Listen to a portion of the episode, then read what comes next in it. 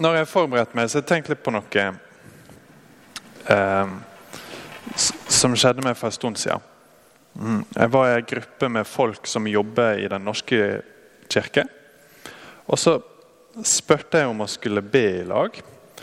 Eh, og så ble det en samtale ut fra det, der det var ei dame som sa at hun syntes det var veldig vanskelig med bønn. For hennes erfaring var at bønn ofte ble eh, på en måte et maktovergrep. At hun hadde tydeligvis vonde erfaringer med det. At, så når hun tenkte på bønn, så tenkte hun på personer, kanskje personer i autoritet over henne, som kanskje hadde bedt for henne på dårlige måter. Sånn at det første hun tenker på med bønn, er en negativ ting. Og så tenkte jeg på en annen person som jeg har snakka med for en tid tilbake. Som sa at jeg forstår ikke helt behovet for å be, for Gud vet nå alt. Han kjenner alle behovene våre. Så det må nå være nok, på en måte. Så han forsto ikke helt hvorfor han skulle be, og han forsto ikke hvorfor han skulle be høyt. Eh, og dette er en kar med en levende kristen tro og med stor kompetanse. For dette er ting som vi kanskje av og til tar litt for gitt. At klart det er viktig å be, og klart vi skal, klart å skal be Fader vår. Men vi vet av erfaring for vår egen del at det kan være tungt.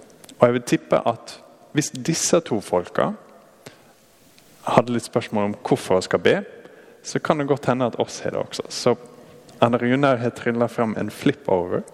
Så jeg tenkte mest for min egen del, men kanskje for deres del også så kan det være nyttig med at vi bare begynner helt basic med hvorfor Hvorfor er det vits å be i det hele tatt? Trenger, trenger far at oss ber? Så jeg tenkte For det første så er det eh, ære til den du spør om hjelp med noe. Sånn, I eh, går så sto kona mi med et syltetøyglass. Sånn, ikke sant? Og da håpte jeg veldig at hun skulle gi det til meg. Og så klarte jeg faktisk å åpne det. Hvis, hvis hun hadde stått med syltetøyglasset og tenkt Veit dere hva vi trenger nå? Han Erlend Lunde. Hvis den Erlend hadde vært, da hadde han åpna det. Da hadde jeg vært litt um, Da hadde jeg vært litt uh, Ja Usikker på hva jeg skulle tenke om det. Så bare en helt enkel time. Hvorfor trenger Gud våre bønner? Han trenger strengt tatt ikke våre bønner. Det er helt sant at han vet. Men kan du tenke deg en bedre måte å gi han ære på enn at når noe skjer, når bare livet fortsetter, at du snur deg til han og sier her er syltetøyglasset mitt. Kan du poppe det? Og Det trenger ikke å være de store tingene. Det trenger ikke å være at du er i sykebilen og at livet rakner foran øynene dine. Eller at den du er så glad i, forsvinner inn i døden foran øynene dine. Det, treng, det kan absolutt være de store tingene, men det kan være de små også. At eh, du sitter på kvelden og leser om spekkhogger på, på nettet og oppdager hvor utrolig smarte spekkhoggere er og at de har egne ord og dialekter, og de er helt utrolige. At du da venner deg til Gud og Gud, det er så masse jeg ikke vet. Det er så masse du vet. At bare en helt enkel ting med at når vi venner oss til Gud, enten det er helt sånn små ting, at det kanskje ikke er et behov engang, at det bare er noe vi vil snakke om, eller at det er livets syltetøyglass. Um, en annen ting som jeg tenkte på, er Jeg klarer ikke å komme på noen eh, bedre måte å få hjertet som brenner. Eh, med lyst til å være med Gud. Hvordan skal vi på en måte få hjertet og hele sjela vår til å lengte å være med Gud på noe bedre måte enn å være med Gud i, i bønn? Klart, Forhåpentligvis så er det sånn at når dere er i kirka og synger lovsanger i lag, og hører Bibelen lest, og oss bekjenner trua vår, og oss hører jeg evangeliet forkynt, at det står på en måte vokser i trua og får hjertet som lengter etter å være Gud. Lengter etter å være med Gud. Men jeg tenker bønn av alle ting er en plass der du kan gå eh, og sette fyr på hjertet ditt. Og jeg vet at det ikke er sånn hver, hver morgen når du prøver å be onsdag morgen klokka sju, og så er du trøtt. Det er ikke alltid sånn. Men det kan være sånn. Og bare det at det kan være sånn, betyr at ok, kanskje strengt tatt det er sånn at Gud vet alt oss trenger. Men han står og tilbyr oss at oss kan være med han i bønn. Eh, og det er ingen bedre plass å hente et, et hjerte som er i fyr og flamme med kjærlighet til Gud. Mm, en ting til som kanskje er litt annen, eh, som vi ikke er så vant med, er at vi kan teste oss sjøl med å be. Så En av grunnene til at oss trenger å be, er at det er masse å tenke på, det er masse vi har lyst til, det er masse oss lurer på. Og alt det kan vi legge frem for Gud i bønn. Og Da er det noen ting som blir klart umiddelbart. At Si at det er en ting som du går og tenker på og har lyst på, men som du kjenner at men jeg kan ikke be over det. At du kanskje skammer deg litt egentlig over å be over det. At det er sånn Ok, akkurat denne tingen her er faktisk ikke en god ting. Jeg merker at jeg har ikke samvittighet til å gå og spørre Gud om å gi det til meg. Så kanskje jeg ikke skal være så opptatt av det. Men du kan også gjøre den motsatte oppdagelsen.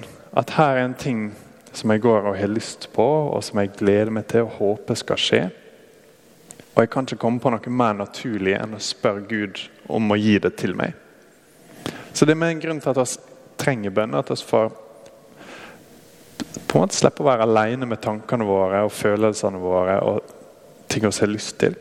Men at vi kan dele det med Gud. Eh, og legge det framfor han i bønn. Alt som skjer, uansett hva det er. Jeg håper dere er med, og jeg håper dere ikke er fornærma over at oss ikke på en måte går rett inn i teksten med en gang. For, for min del synes det er litt nyttig å bare minne seg på av og til hvorfor skal vi legge energi ned i bønn. Hvorfor skal vi ha tålmodighet til å holde ut med det? For det er noe vanskelig, det er en tung ting. Så jo, det er måte vi ærer Gud på. Det er måte vi kan sette fyr og flamme på hjertene våre og teste tankene våre. Mm. Men det er også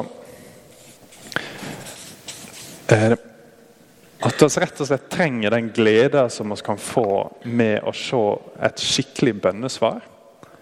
At Si at du ber for noen eh, år etter år etter år om at de skal bli kristne. Og så blir de det. Og så sitter du igjen med stor glede over at Gud har hørt bønna di og svart på det. det en, Gud trenger ikke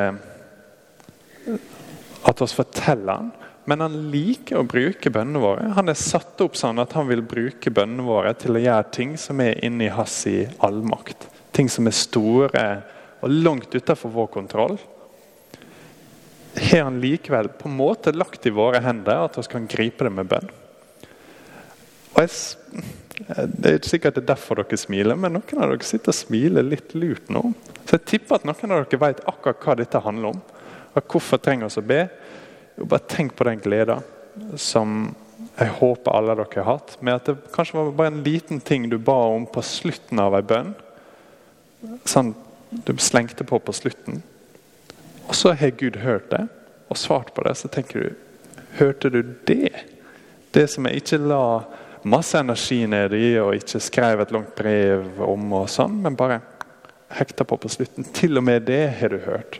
Da kjenner du meg, Gud. Da vet du hva jeg trenger. Det er masse glede å hente der. Eh, og sist, kanskje mest åpenbare eh,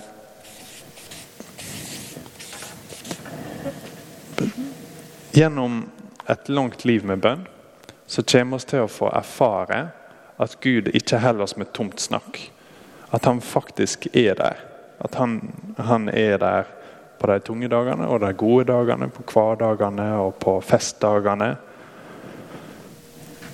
Og det er en ting som, som oss trenger. Vi trenger å be for å kjenne at han er der, og for å erfare det. Det går an å legge til masse ting her. Dette var bare de første tingene som jeg fant når jeg bladde litt i bøkene mine og tenkte litt. Eh, og dere kunne sikkert fylt på eh, mange ting. Men en ting som dette viser, er at bønn er en veldig tydelig måte å vise trua på. Eh, I starten av teksten her så anbefaler Jesus oss om å gjøre det med få ord. I verset rett før så sier han at vi skal gå inn på rommet vårt og være alene. At ikke all bønn skal skje i offentlighet. Um, men det er Teologene sier, flere av dem, at hovedmåten trua vår viser seg på, er i bønn. For det viser at vi har oppdaga at vi er tomme i oss sjøl, at vi ikke har alt vi trenger for liv og for frelse. Og at vi går ut av oss sjøl til Gud for å hente det. At vi har oppdaga hvor evighetens syltetøyglass kan poppes. Det med Gud. Men hvis dere er noe i det hele tatt som meg, så tenker en del av deg da Å nei. Hvis den store måten trua vår er testa på, hvis en av dem er bønn Og hvis bønnelivet vårt er en tydelig indikator på hvor levende truslivet vårt er, så tenker mange av oss oh, jeg skulle ønske det var noe annet enn det. Jeg skulle ønske det var hvor ofte jeg var i kirka, f.eks. Eller hvor ofte jeg leser Bibelen. Eller nesten egentlig hva som helst annet enn akkurat bønnelivet. For det er skikkelig tungt. Det kan være kjempevanskelig. Og selv om det er en veldig viktig ting, og en ting som oss trenger, så er ikke det alltid en ting som bobler med glede og med kraft. Og at vi kjenner at vi er brennende i hjertet og sånn. Og Da er det viktig å minne seg sjøl på evangeliet. For det som ofte skjer nå, er at den som snakker, blar over og kommer med masse gode tips. For å be så må du stå opp klokka sånn og sånn. Du må laste ned en app på telefonen. Du må kjøpe bønneboka som jeg har skrevet, f.eks. Jeg har ikke skrevet bønnebok, men dere skjønner poenget. Og masse gode tips. Og Jeg er veldig glad i de tipsene. Jeg bruker mange gode tips sjøl. Men de må komme litt seinere. For når vi har forstått at bønn er viktig, og forstått at vi kanskje ikke når helt opp for vår egen del Jeg vet at noen av dere har kjemperike bønneliv. Eh, og dere som har de rike bønnelivene, vil jeg tippe har vært igjennom dette en gang. Dere har sett at bønn er viktig. Dere har forstått at vi ikke lever opp til det. Og så har ikke dere bare hoppa rett til tipsa. Dere har gått til Gud. At sjøl bønn er en ting som vi må be om. For Det kan ikke være sånn at vi ser på et bønneliv som vi ikke er fornøyd med, og bare føler dårlig samvittighet. Eller prøver å ta oss sammen. For Det er ikke sånn det kristne livet fungerer. Vi må ha samme rekkefølge her som vi ser på alt annet. At Hvis vi ønsker et rikt bønneliv, så trenger vi ei rik tru. Og hvis vi ønsker ei rik tru, så må vi gå til Jesus og få den fra hans nåde. At måten å gå fra å være fattig i tru til å være rik i tru på, er kun i Jesus. Vi klarer ikke det med tips eller triks. Det er ingenting jeg kan anbefale dere å gjøre som en vane som vil gi dere rik tru. Men Jesus vil gi dere rik tru. Gå til han og si at jeg er så tom av tro i meg sjøl, men du er så full av gode ting. I deg så er alt jeg har lyst til. I deg så finner jeg det jeg lengter etter. Og da kan du begynne å be. Alt det var introduksjon. Så nå har jeg brukt opp tida mi på eh, eh introduksjon. Så vi tar litt av Fader vår, og så ser vi uh, hvor langt vi kommer. For jeg hadde bare lyst til um, at Hvis det er sånn at dere ikke er helt komfortable med selve bønnetanken, at dere skulle snakke litt om det. Men som sagt, kanskje den bibelteksten dere kan utenat, flest av dere. Vers 9. Slik skal det be. Det er Jesus som formulerer dette. En versjon her i Matteus og en annen i Lukas. Så måten Jesus begynner bønna på, er Vår Far i himmelen. Eh, han har ikke sagt 'din far' eller 'min far'. At liksom, Hvis jeg hadde begynt bønna mi, og jeg kunne gjort det 'Min far, du som er i himmelen', så hadde det vært litt annet enn vår far. Så når Jesus sier 'vår far', så tenker han på oss som fellesskap. At vi står ikke alene når vi ber denne bønna. Vi har et fellesskap av kristne både gjennom historier og rundt omkring i verden som ber dette. Og Det første, første han på en måte vil at oss skal be, både for Guds ære og for vår sin del, er vår Far i himmelen. Så vi vet at vi kan kalle Gud far fordi Jesus er vår bror. At vi har fått et forhold til Jesus. Og når Kristus er vår bror, så er Gud vår far. Så Jesus sier be, be sånn som jeg ber. Be vår far. Så det første han på en måte setter framfor oss, er Guds godhet og mildhet og varme. En unge kan alltid gå til faren sin og spørre om noe. Uh, og hvis det er en vond, vond, ting å spørre om 'Pappa, kan jeg få låne øksa di?' Hvis en liten unge spør om det, så får han nei. ikke sant? Men han får iallfall svar uh, og får en forklaring.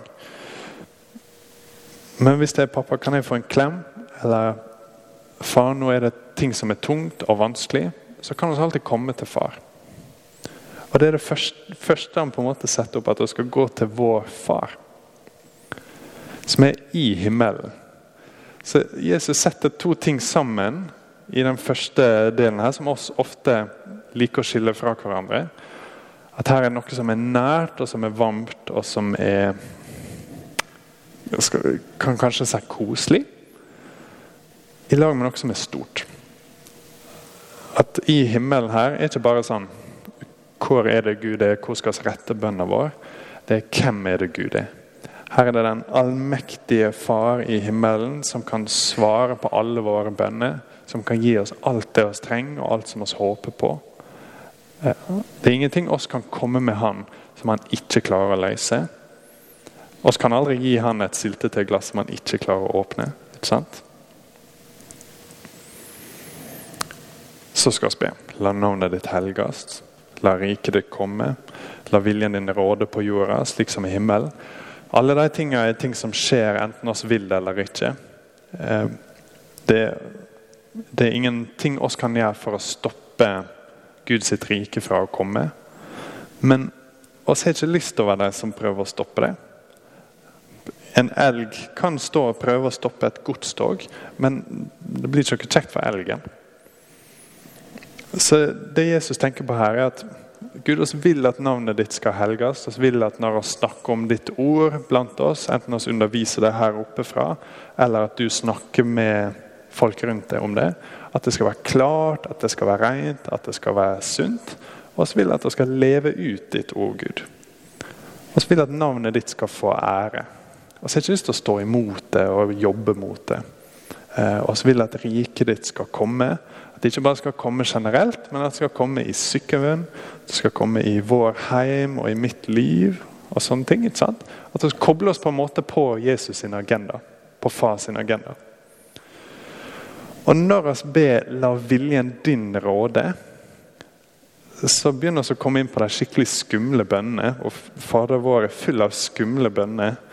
Eh, for da har vi indirekte, eller ikke indirekte, da har vi direkte bedt om at far sin vilje skal skje heller enn de som står imot far sin vilje. Enten det er djevelen, verden eller vår egen vilje. Så I den bønnen har vi bedt at hvis det er noe vondt i oss som vil vonde ting, at heller fars vilje skal skje. Eller hvis det er noe godt oss har lyst til å gjøre, men ikke tør, som Gud vil, så ber oss her at hans vilje skal skje. Så ber oss gi oss i dag vårt daglige brød. Og så snakka om det tidligere, at eh, brød eh, var det de brukte nesten alle pengene sine på. 70-80% av inntekta gikk til brød. Så når du ber om daglig brød, så ber du i praksis om alt du trenger for å leve. Så det er litt gøy av og til å lese Luthers Lille katekisme. Hvis du er salmeboka, så står den bakerst i salmeboka. Der har en forklaring av eh, Fader vår, som mange av dere har pugga når dere var konfirmanter, vil jeg tippe. Eh, og da sier han ikke at vi bare skal be om brød, men at vi skal be om alt vi kommer på, egentlig. Eh, han tar til og med at vi skal be om eh, at ting skal gå bra med eiendommen vår og med ekteskapene våre hvis vi er gift, osv. osv. osv. Og det skal vi be i dag i forbønna. Så sier Jesus, be tilgi oss vår skyld, slik vi òg tilgir våre skyldnere. Og Dette er mer skummel bønn, ikke sant? Eh, det er på en måte, Far oss vet at vi ikke fortjener at du gir oss det vi ber om. Vi fortjener ikke i oss sjøl at oss kan komme frem for deg og kreve ting. Men Kristus fortjener det. Tilgi oss vår skyld. La oss komme frem for deg i Han og gi oss det vi trenger. Sånn som oss også tilgir våre skyldnere. Jesus bygger inn i bønna at hvis vi sjøl er bitre og nekter å tilgi andre, så har vi i praksis bedt Gud om å ikke høre på bønna vår denne gangen. Det er kjempeskummelt. Og det er egentlig ganske lurt. Ehm, så hvorfor trenger vi å be? Jo, for å si at det her plutselig en dag skurrer veldig. At når du kommer til dette punktet, som vi òg tilgir våre skyldnere, at du da kommer på noen. Hvis det da dukker opp et ansikt i tankene dine, eller et navn på arket ditt Sånn Oi. Uh, ja. Sånn som jeg også tilgir han eller hun. La oss ikke komme i freisting, men frels oss fra det vonde. Gud frister ingen. Men oss ber om at han ikke skal på en måte la oss snuble og la oss havne i fristelser som er for store for oss, og beskytte oss fra det vonde. Og så er det kommet inn etterpå et kjempebra tillegg som vi bruker. Det er litt vanskelig å vite hvordan det dukker opp, men det er, det er ikke i de eldste bibeltekstene våre. Eh, men det er kommet inn litt seinere. For riket ditt og makta og ære i all evig. Amen. Det kan være at noen har skrevet det i margen som en god avslutning. Så En kjempegod ting å bruke. Um, men det var nok ikke i den opprinnelige versjonen av Matteusevangeliet. Jeg tror jeg har brukt opp tida mi. Men hvis du skal sitte igjen med én ting, så håper jeg det at du har lyst til å be. At i løpet av dagen i dag, og i løpet av uka som kommer, og i løpet av måneden som kommer, at bønn kan være litt lystbetont. Bruk gjerne Fader vår med dine egne ord. At fyll, ut, fyll den litt ut. Be den litt seint. Eh, det er ikke bare vår far i himmelen, men du som er vår far, og som er min far, og som er så stor og allmektig at du er i himmelen, osv. Gjør det med glede, gjør det med håp. For Kan du komme på en bedre måte å gi Gud ære på og få brennende hjerte sjøl? Og jeg har ikke lyst på det. Så la oss eh, be kort nå. Vår Far i himmelen, oss ber om at navnet ditt skal helges, at du skal få ære. Og oss ber om at oss skal få den glede som du har for oss i bønn. I Jesu navn. Amen.